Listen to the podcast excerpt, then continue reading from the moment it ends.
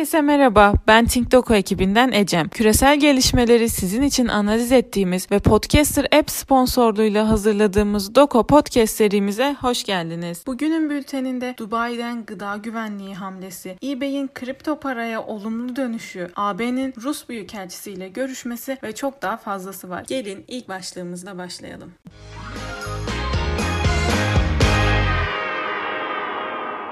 Dubai, Gıda Teknolojileri Vadisi adı altında ilk fazına başladığı proje çerçevesinde gıda güvenliğine ilişkin firmaları tek çatı altında toplamayı düşünüyor. Körfez ülkeleri için daima mühim bir konu başlığı olan ve Katar'a uygulanan abluka ile önemi hepten anlaşılan gıda güvenliğinin sağlanması adına Körfez'deki çalışmalar devam ediyor. Bu çerçevede yeni kümelenmelerin oluşturulması Körfez ülkeleri arasında bir rekabet meselesi. Zira gıda güvenliği Körfez ülkeleri açısından en az askeri güvenlik kadar önemli önemli bir mevzu. Hali hazırda Dubai'de gerçekleşen bu atılımla BAE'nin rekabetteki yerini koruyabileceğini söylememiz mümkünken aynı zamanda Dubai'nin de BAE içindeki ağırlığının artacağını öngörebiliriz. Bunlarla birlikte Körfez'de gıda güvenliğine ilişkin atılımların artması, gıda güvenliğinin küresel bir mesele olarak öne çıkışı, Dubai'nin BAE içinde öneminin artmasıyla politik riskin düşmesi beklentiler arasında.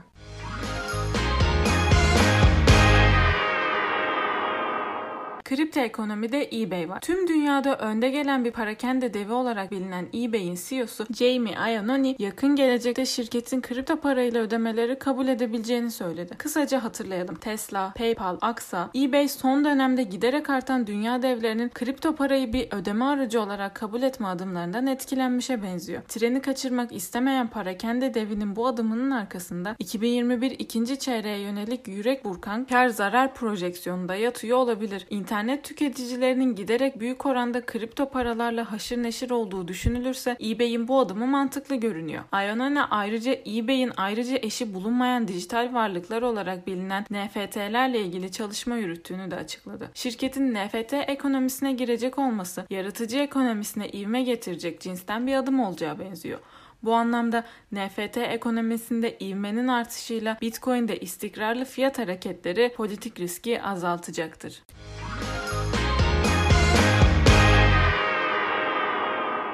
Rusya'nın kendisine yönelik yaptırımlarına misilleme olarak 8 AB vatandaşına karşı yaptırımları açıklamasının ardından AB Büyükelçisini çağırdı. Rusya ve Batı ittifakı arasındaki gerginlik sürerken Rusya'nın da misilleme olarak çeşitli aktörlere yaptırım uygulamaya başlaması ve listeler oluşturması ilgi çekici. AB tarafının Rus misillemelerini hukuki zeminden yoksun ve siyasi olarak güdülenmiş şeklinde yorumlaması ise dikkat çekici. Bu anlamda AB ve Rusya gerginliği devam edeceğe benziyor. Bununla birlikte ise yükselen politik risk.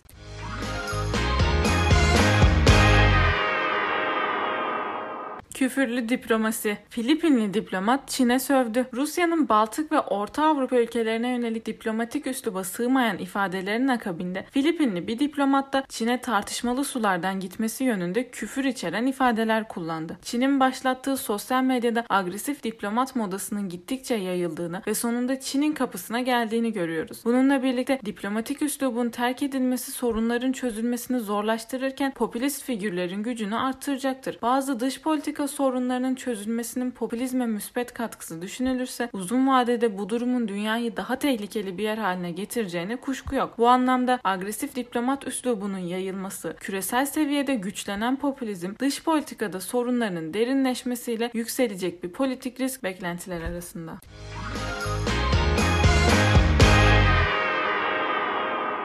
Afganistan'da çatışmalar sürüyor. ABD Afganistan'dan çekilmeye devam ederken Afganlar arasında devam eden çatışmaların sonucunda 100 kişinin öldüğü bildirildi. ABD Afganistan'dan çekilmeye devam ederken Taliban ve eski Kuzey İttifakı mensupları arasındaki çatışmalar sürüyor. Taliban'ın rakiplerine göre sahip olduğu avantaj düşünülürse ülkenin çok önemli bir kısmında kontrolü sağlamasının uzak bir ihtimal olduğu aşikar. Bununla birlikte Taliban kontrolü altındaki bir Afganistan'ın Çin ve Rus tesiriyle ile nasıl başa çıkacağına dair bir emare henüz yok. Hali hazırda Pakistan'ı tamamen etkisi altına alan Çin nüfuzunun benzer bir şekilde Afganistan'ı da etkisi altına alıp alamayacağı meçhul olmakla birlikte Taliban'ın Türkistan İslam Partisi gibi oluşumları barındırması durumunda Çin'in bir müdahaleye teşebbüs edip etmeyeceği de bilinmiyor. Çin müdahalesinin de sonuçları itibariyle Afganistan'a yönelik diğer imparatorluk müdahalelerine benzeyip benzemeyeceği de bir başka bilinmez. Peki bu gelişmelerle bizim beklentilerimiz neler? Öncelikle Taliban'ın Afganistan'ı kontrol altına alması, dostum kontrolündeki bölgenin bağımsızlık ilanına yaklaşması, Afganistan'da izlenmesi gereken Çin tesiri ve tabii ki de yükselen politik risk.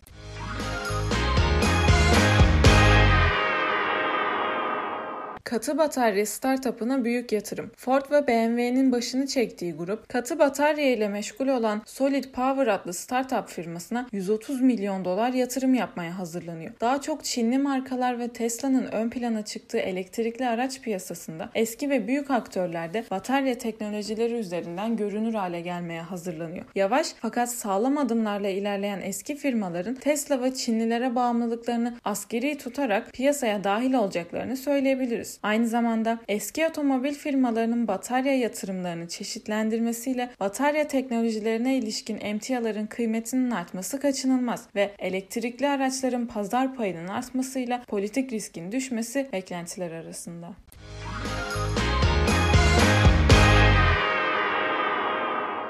Son başlığımız ise siber güncesinden. Çin devlet destekli hackerlar Rusya'nın köklü savunma şirketini hedefledi. Çin kaynaklı hackerlar Rusya'ya ait denizaltının verilerini çalmayı denedi. Söz edilen kimlik avı saldırısının Rus Silahlı Kuvvetleri'nin deniz kuvvetleri birimi için çalışan ve nükleer denizaltılar tasarlayan savunma şirketine yapılıyor olması tüyleri ürperten cinsten. Saldırının Rubin Tasarım Bürosu'nda görevli genel müdürlük pozisyondaki şahsa zengin metin biçimi dosyasıyla yapıldığı belirtiliyor. Şirketin St. Petersburg'da bulunduğunu, 120 yaşında olduğunu, Sovyet ve Rus donanmasına envanterinin %85'ten fazlasının tasarım süreçlerine dahil olduğunu da hatırlatalım. Çin'in son dönemde Doğu Asya sularını ne kadar karıştırdığı düşünülürse Rusya'ya yönelik böyle bir saldırı daha çok anlam kazanabilir. Bununla birlikte ise Uzak Doğu'da siber anarşinin daha çok kendisini hissettirmesiyle politik risk yükselebilir.